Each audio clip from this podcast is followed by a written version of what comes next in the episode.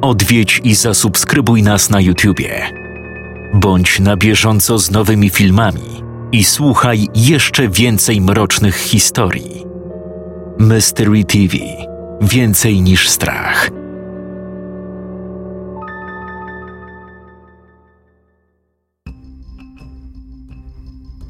Kiedy Adam z Magdą zbliżali się do drzwi gimnazjum, słyszeli jedynie odgłos kosiarki dochodzący z sąsiedniej posesji. Żadnych wrzasków, pisków, krzyków. Krótko mówiąc, tego wszystkiego, co zwiastowałoby przerwę. To dobrze. Wirską od rana bolała głowa. Jedyne o czym teraz marzyła to po prostu względna cisza. A państwo do dyrektora?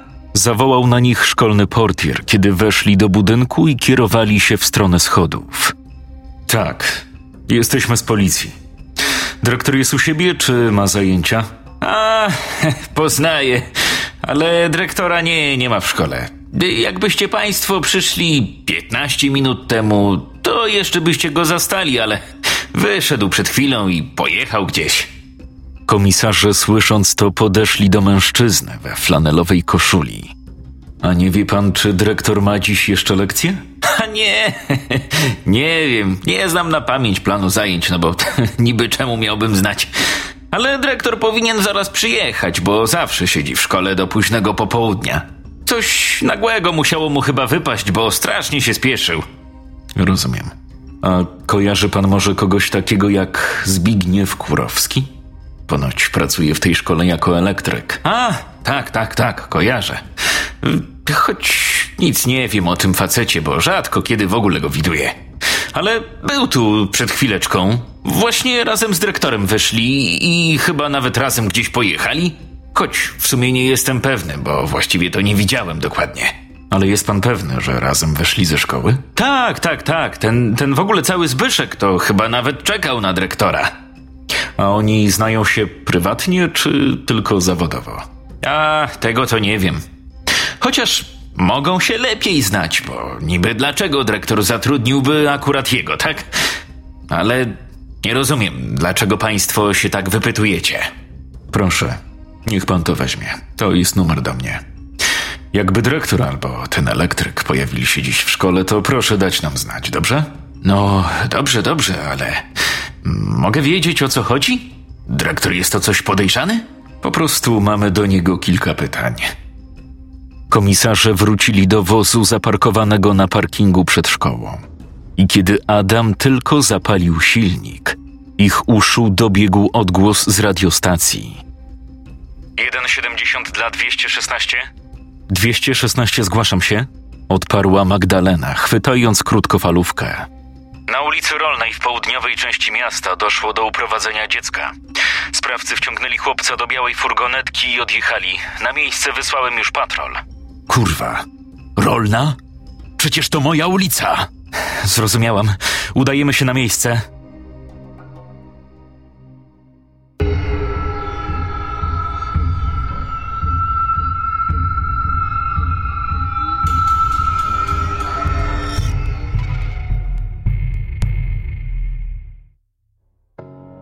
Adam przez całą drogę na miejsce miał złe przeczucia. Cały czas próbował dodzwonić się do syna, jednak telefon chłopca był nieaktywny. Wiedział, że Franek skończył dziś zajęcia wyjątkowo wcześnie i powinien być już w domu. Może postanowił się zdrzemnąć albo ogląda ten głupi telewizor, uspokajał się w myślach Antczak, zatrzymując samochód obok radiowozu kilkanaście metrów od bramy wjazdowej do swojej posesji. Wysiadł z auta i gdy zobaczył przerażoną twarz pani Olgi, sympatycznej sąsiadki, której psa Franek wyprowadzał czasem na spacery, momentalnie zrozumiał, że musiało stać się najgorsze. Panie Adamie, panie Adamie, Boże, Franka porwali tak strasznie mi przykro, ale nie mogłam nic zrobić. Boże, nie. Tylko nie to. Adam, spokojnie. Pani dokładnie widziała moment porwania? Tak, tak. Byłam u siebie w domu i akurat wyjrzałam przez okno, jak ten mężczyzna ciągnął Franka po ziemi. Kopnął go w twarz, a potem wsadził do tej furgonetki. Rozumiem. Czy mógł być to ten mężczyzna? Magda pokazała kobiecie zdjęcie Zbigniewa Kurowskiego, znanego lepiej jako dziwny pan od prądu.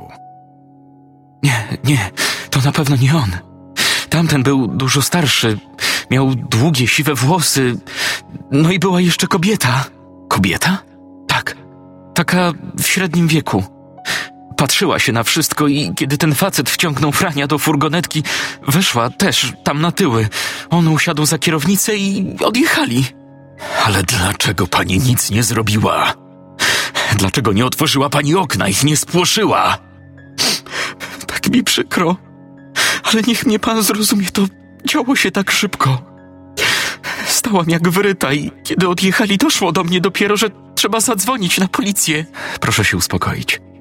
Jakiego koloru była ta furgonetka? Już mówiłam, białego, może szarego. Nie wiem, cała ubłocona była. W tej samej chwili podbiegł do nich jeden z mundurowych. Słuchajcie, podobno na teren tej hurtowni, którą kazaliście obserwować, przyjechały jakieś samochody. Samochody? Furgonetka też? Tego nie wiem. Kurwa. Dobra, czekajcie tu na resztę ekipy. My z Magdą jedziemy do tej jebanej hurtowni. Adam od razu podbiegł do drzwi od strony kierowcy. Adam, nie powinieneś prowadzić w takim stanie. W jakim kurwa stanie? Posłuchaj, daj mi klucze, ja poprowadzę, okej? Adam już chciał zaprotestować, lecz po chwili rzucił kluczyki w stronę Magdy.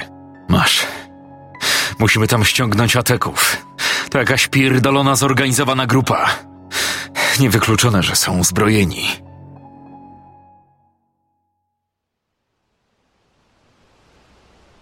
Wyłaś. Tylko bez żadnych sztuczek, ty mały pryszczaty gnoju. Rozkazał siwowłosy mężczyzna w czapce z daszkiem, po tym jak otworzył tylne drzwi furgonetki. Powoli, kochanie. Pomogę ci wstać. Powiedziała ciepło pani Dorota, chwytając Franka pod pachy i podnosząc go z ziemi. Chłopiec wciąż miał związane ręce i potwornie bolała go głowa. To też gdy tylko stanął na nogi, od razu zakręciło mu się w głowie i upadł z powrotem. Kurwa, jak nie chcesz wyjść, to ci zaraz pomogę. Wysoki mężczyzna chwycił chłopca oburącz za lewą kostkę i po prostu wyszarpał go z paki furgonetki. Franek spadł, uderzając twarzą o beton. Weź go z jednej, a ja z drugiej strony. Musimy go jakoś dowlec do środka. Pani Dorota bez słowa nachyliła się nad Frankiem. Chwyciła go pod lewą pachę i gdy udało im się podnieść dzieciaka, zauważyli wielki strumień krwi broczący z jego przekrzywionego nosa. Dlaczego? Dlaczego to robicie? Bełkotał chłopak, kiedy prowadzili go w kierunku zrujnowanego budynku z wielkimi oknami. No już, spokojnie. Za chwilę będzie po wszystkim skarbie. Już niedługo. Uspokajała pani Dorota swoim delikatnym, pełnym czułości głosem, który w całej sytuacji brzmiał naprawdę upiornie. Mówiłem ci, żebyś nie rozmawiała z tym bachorem. Pierdolony skurwysyn zaraz pożałuje, że się urodził. Odparł mężczyzna w czapce, kiwając ręką w stronę budynku, do którego zmierzali. Przestań. Przecież to nie jego wina. Pewnie kurwa. Same niewiniątka na tym świecie łażą. Weź się przymknij, głupia babo, bo nie idzie cię słuchać. Ale o co chodzi? Dlaczego to robicie? Przecież ja nic nie zrobiłem. Przymknij się, kurwa, bachorze, diable wcielony, zaraz za wszystko zapłacisz, kurwa. Byli jeszcze dobre kilkanaście metrów od budynku, kiedy drzwi otworzyły się i w progu stanął dziwny pan od prądu. Franek dopiero teraz dostrzegł białą skodę zaparkowaną pod innym, mniejszym budynkiem kawałek dalej. Identyczną, jaką jeździ dyrektor Karpacki. No, jesteście. Mam nadzieję, że nie było żadnych kłopotów. Właśnie, że były, kurwa. Nie przygotowaliśmy akcji tak jak zawsze i od razu wszystko się spierdoliło. O czym ty, ty mówisz? Jakaś głupia babka gapiła się przez okno, jak ładowałem gnoja do wozu. Pewnie już nas poszukują. Kurwa, Gienek. Mówiłem, że macie najpierw prześwietlić okolice i wybrać miejsce, gdzie nikogo nie będzie. Wewnątrz budynku rozległ się znajomy głos. Po chwili Franek znalazł się w pustej, zimnej hali i wiedział już, dlaczego ten głos wydawał mu się tak bardzo znajomy. Pod ścianą stał dyrektor Karpacki w granatowej koszuli i jasnych dżinsach. Jesteście pewni, że nikt was nie śledził? Raczej nie. Odparł siwowłosy facet, przewracając chłopca na betonową podłogę. Ale musimy się pospieszyć, jakby co. Dobrze. W takim razie załatwmy to szybko. Powiedział dziwny pan od prądu, wyciągając z zapaska pistolet. Gienek, zastrzel gówniarza. Potem szybko posprzątamy i będzie po sprawie. Nie! krzyknął Franek, podrywając się na kolana. Cała jego twarz była zalana krwią. Dlaczego? Dlaczego to robicie? Dlaczego akurat mi? To wy zabiliście Marcela. Wiem to skurwysyny. O, o, o, widzicie jak się rzuca? Nasienie zła już zaczyna kiełkować. Wkrótce wzrośnie i wyda plon. Masz, Gienek, zastrzel go. Dziwny pan od prądu przekazał pistolet w ręce starszego faceta w czapce z daszkiem. Ale zaraz, kurwa, tego nie było w umowie. Ja nie potrafię zabić człowieka. Co ty pierdolisz? A co z tą trójką, którą załatwiłeś? Przecież ja ich nie zabiłem. Ja ich tylko zakopałem. Żyli, jak ich tam zostawiałem, sami pozdychali. Nie jestem kurwa mordercą. Gówno, prawda? Z zabiłeś te trzy bachory i teraz też zabijesz tego gnoja. Nie chuja, nie strzelę do żywej istoty. Dlaczego niby nie możemy poczekać do wieczora, żebym i tego mógł zakopać w ziemi? Bo twoje cmentarzysko jest spalone, rozumiesz? Psy na bank dobrze pilnują tego miejsca. A tak się składa, że to było jedyne ustronne miejsce, żeby zakopywać tam ludzi. Nie płacz, kochanie. Tak bardzo mi przykro. Próbowała uspokoić Franka pani Dorota, kiedy ten zalany krwią i łzami leżał skulony pod ścianą, jęcząc z bólu i przerażenia. Za chwilkę będzie po wszystkim. Obiecuję. Tylko postaraj się być dzielny.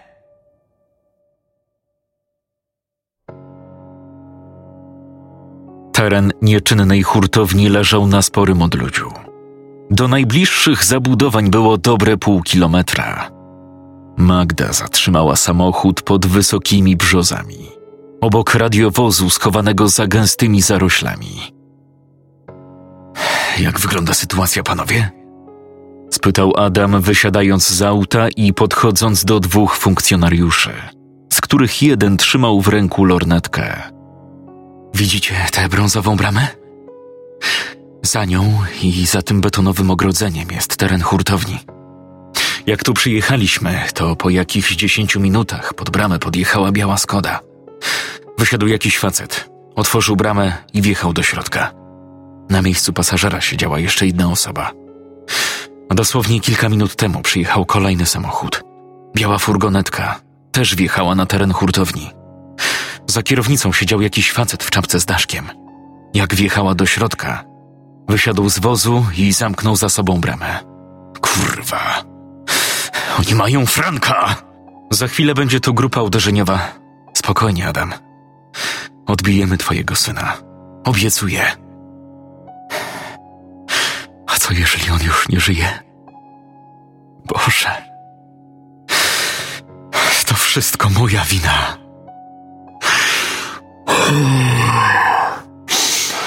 Miałem go bardziej pilnować. Adam, proszę, weź się w garść. Ta sprawa dotyczy twojego syna, więc nawet nie powinno cię tu być. Znasz przecież procedury. Tak. Na pewno będę sobie spokojnie czekał w biurze, kiedy mój syn jest w niebezpieczeństwie. Rzucił Antczak, ruszając w kierunku betonowego ogrodzenia. Adam, stój! Co chcesz zrobić? Muszę się tam dostać i przynajmniej sprawdzić, czy Franek nie jest uwięziony w tej furgonetce. Może damy radę go uwolnić przed przybyciem wsparcia. Adam, nie! Dalej nie wiemy, o co w tym wszystkim chodzi. Nie wiemy, kim są ci ludzie i dlaczego to robią. To mogą być szaleńcy, którym wszystko jedno. Mogą być uzbrojeni. Antczak spojrzał na Magdę, następnie na ogrodzenie i ponownie na nią. Posłuchaj, wiem co robię. Nie daruję sobie, jeśli Frankowi coś się stanie. Zostań tu z Markiem i czekajcie na wsparcie. Ja wezmę Pawła i tylko się rozejrzymy. Tam jest mnóstwo drzew. Nikt nas nie zauważy, a przynajmniej ogarniemy teren. Magda nie powiedziała ani słowa. Odwróciła się i ruszyła w kierunku radiowozu. Paweł, chodź. Pójdziesz ze mną. Po chwili pobiegli razem z mundurowym w kierunku ogrodzenia. Mur był stosunkowo niski. Dodatkowo miał dużo pęknięć i wgłębień, w które można było włożyć stopę i wspiąć się na szczyt. Antczak dał znak koledze z patrolówki, by ten poczekał na dole. Sam wspiął się na betonowy mur i wychylił głowę, by zbadać teren po drugiej stronie. Dostrzegł wąski pas pożółkłej trawy, za którym rosło mnóstwo wysokich brzus samosiejek. Zaraz za drzwiami stała biała furgonetka. Dalej był betonowy plac. Mały budynek z zaparkowaną przed nim białą skodą. A jeszcze dalej stał o wiele większy budynek z wielkimi oknami i odpadającym tynkiem. Paweł, podaj mi lornetkę. Policjant przekazał Adamowi lornetkę, dzięki której Antczak zaobserwował, że w tym dużym, przeszklonym obiekcie znajduje się kilka osób. Odległość była zbyt duża, by dostrzec coś konkretnego. Mimo to ojciec Franka zauważył trzy sylwetki w środku. Chodź tu, na moje miejsce. Będziesz mnie ubezpieczać. Adam, ale co ty chcesz zrobić? Nie lepiej poczekać na wsparcie? Przy furgonetce nikogo nie ma. Zakradnę się tam i zobaczę, czy nie trzymają w środku mojego syna. On musi być przerażony. Wyłaź tu i osłaniaj mnie. Cholera wie, za ile oni przyjadą, a przecież liczy się każda minuta. Mundurowy wdrapał się na mur. Obserwował Adama, który z pistoletem w ręku przedarł się przez brzozowy lasek i pochylony, tak by pozostać niezauważonym, zbliżył się do starego dostawczaka. Samochód stał zaraz na początku betonowego placu. Adam zamarł, widząc kałużę gęstej krwi, rozlaną pod zamkniętymi drzwiami paki furgonetki. Maska samochodu zwrócona była w stronę zrujnowanego budynku, natomiast tylne drzwi w stronę muru, od którego zakradł się policjant. Oznaczało to, że samochód zasłaniał mężczyznę i chronił go przed wzrokiem osób, które przebywały w nieczynnej hurtowni. Antczak spojrzał jeszcze w boczne lusterka i tylko upewnił się, że w szoferce nikogo nie ma. Opuścił broń i nacisnął klamkę tylnych drzwi furgonetki. Szlakby to. Wycedził, kiedy je otworzył, i okazało się, że w środku nikogo nie ma. Zauważył za to plecak swojego syna, leżący pod kratą oddzielającą tył furgonetki od kabiny, oraz kolejną kałużę krwi, nieco mniejszą niż ta na zewnątrz. Kurwa mać! Przeklął ponownie, zamykając drzwi samochodu dostawczego. Nie chciał tam wchodzić, by nie zacierać śladów. Zresztą, dlaczego niby miałby tam wchodzić? Odwrócił się i ruszył z powrotem w kierunku muru. Słuchaj, Gienek. Odezwał się dyrektor Karpacki, widząc, że starszy facet ma najwyraźniej jakiś problem w wyeliminowaniu kolejnego bachora. Wiem, że logiczne myślenie nigdy nie było Twoją mocną stroną, ale zastanów się. Zakopałeś żywcem trójkę związanych dzieciaków. A czy wiesz, co czuje człowiek pogrzebany żywcem pod ziemią? Na początku, w przypływie paniki, próbuje się wydostać. Wierci się, przebiera rękami i nogami. Próbuje krzyczeć, ale nie może, bo ziemia wpada mu do ust. W końcu pojmuje, że już się nie wydostanie i zaczyna się modlić o jak najszybszą śmierć, która następuje zwykle po kilkunastu, a czasami nawet kilkudziesięciu minutach męczarni. Po chuj mi to mówisz? Po chuj ci to mówię? Po to byś wiedział, że te bachory szczałyby z zazdrości.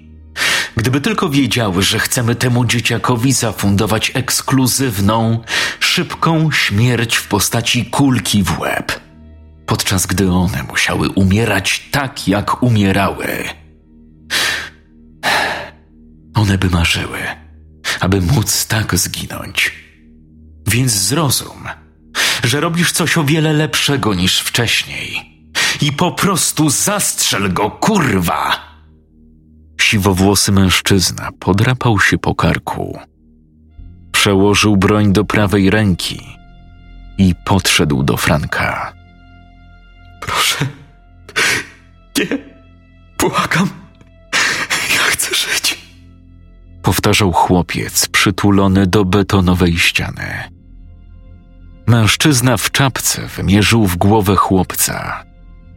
I już wydawało się, że pociągnie za spust. Kiedy nagle opuścił broń zrezygnowany. Nie mogę. Po prostu nie mogę go zabić. Ja tamtych dzieciaków nie zabiłem. One same umarły pod tą ziemią. Pierdolenie na antenie! Krzyknął dziwny pan od prądu, wyszarpując z dłoni starszego mężczyzny pistolet i podchodząc do Franka. Nie chcesz go zabić? To ja to zrobię. Szkoda tylko, że dobryzgam sobie krwią koszulę. Dziwny pan od prądu przyłożył broń do skroni Franka, kiedy nagle odezwała się pani Dorota. Cholera, czekaj. Co znowu? Mam ci dać czas na zatkanie uszu? Mamy towarzystwo. Odparła kobieta, spoglądając w duże, prostokątne okno. Kurwa. No to pozamiatane, stwierdził dyrektor, widząc grupę antyterrorystów w czarnych kombinezonach, wyłaniającą się z brzozowego lasku. Był tam też ojciec chłopca, Adam Antczak, i ta baba, którą widział w dzień porwania Marcela. Skąd oni się tu wzięli? To ty! Dziwny pan od prądu wskazał na siwego faceta w czapce z daszkiem. Mówiłem, kurwa, że macie uważać, jak pojedziecie. Musieli was namierzyć. No bo kazaliście się nam spieszyć. Trzeba było obmyślić lepszy plan, tak jak ostatnio. Boże, to koniec. Pójdziemy siedzieć. Wszyscy pójdziemy siedzieć. Mamrotała pani Dorota, trzymając się za głowę. Bzdura! Nie po posadzą nas za tych małych skurwieli. Musimy im tylko wytłumaczyć, dlaczego to robimy. Jak chcesz im to kurwa wytłumaczyć? Normalnie. Wyciągnij z torby głośnik i każ tym czarnym spierdalać. Szybko, póki jeszcze nam tu nie wjechali. Dyrektor Karpacki podszedł do dużej, zakurzonej torby, pełnej narzędzi i różnych gratów. Pogrzebał chwilę w jej wnętrzu i wyciągnął wreszcie nowy megafon. Skąd do cholery macie ten sprzęt? Musimy być przygotowani na każdą ewentualność. Otwieraj okno i przegoń stąd tych skurwieli. Dyrektor podszedł pochylony do starego okna. Odblokował dwie klamki i otworzył je. Włączył megafon i drżąc, by ktoś nie odstrzelił mu teraz głowy. Odparł spokojnie, lecz głośno i zdecydowanie. Zatrzymać się. Powtarzam, zatrzymać się. Mamy dzieciaka. Jak zobaczę, że ktokolwiek zrobi choć krok do przodu, sekundę później dzieciak będzie martwy. Antyterroryści byli już w połowie betonowego placu, kilkadziesiąt metrów od budynku. Adam wraz z Magdą i jakimiś dwoma gliniarzami wychylali się z za furgonetki. Pewnie ubrali kamizelki kuloodporne, pomyślał Karpacki, po czym kontynuował. Wy w czarnych kombinezonach. Macie 30 sekund, żeby zniknąć mi z pola widzenia. Inaczej będzie po chłopaku, rozumiecie? 30 sekund. Od teraz. Czas start. Kiedy antyterroryści zaczęli się wycofywać, drzwi budynku otworzyły się i stanął w nich dziwny pan od prądu, trzymając za szyję Franka, który ledwo stał na nogach. Przykładał do jego skroni pistolet. Z twarzy dziecka ciągle sączyła się krew, brudząc mu białą koszulkę, a także spodenki i trampki. Właśnie o to chodzi. Wynoście się, żebym was nie widział. Przechodzimy do planu B, powiedział jeden ze szturmowców, kiedy wycofał się z powrotem do furgonetki. Obstawimy teren i część z nas spróbuje przedostać się do nich od tyłu. Kurwa, niech to szlak. Rzucił Adam przez zaciśnięte zęby. Wyglądał tak, jakby chciał się puścić do przodu i nie bacząc na nic ratować syna. A teraz wy, tam za furgonetką. Wyłaźcie z rękami w górze. Czterech policjantów, dwóch w mundurach i dwóch bez mundurów, wyszło posłusznie z za samochodu, trzymając ręce w górze. Jak coś się stanie mojemu synowi, to cię zabiję, skurwysynu! Adam, przymknij się. Nie widzisz, że oni czegoś chcą? Po prostu rób, co mówią. Wy w mundurach. Powoli wyjmijcie broń i odrzućcie w lewo. Tylko powoli. Doskonale. A teraz powoli kładźcie się na ziemi z rękami na szyi i ani drgnijcie. Po co ta szopka? Czego chcecie w zamian za mojego syna? Chcemy tylko porozmawiać. Nie chcemy rozlewu krwi. Chcemy tylko porozmawiać z tobą i twoją koleżanką. Nie wiecie czegoś, co wiemy tylko my. To bardzo ważne. Dlatego odłóżcie teraz broń i powoli tu podejdźcie. Porozmawiamy i mam nadzieję, że się dogadamy.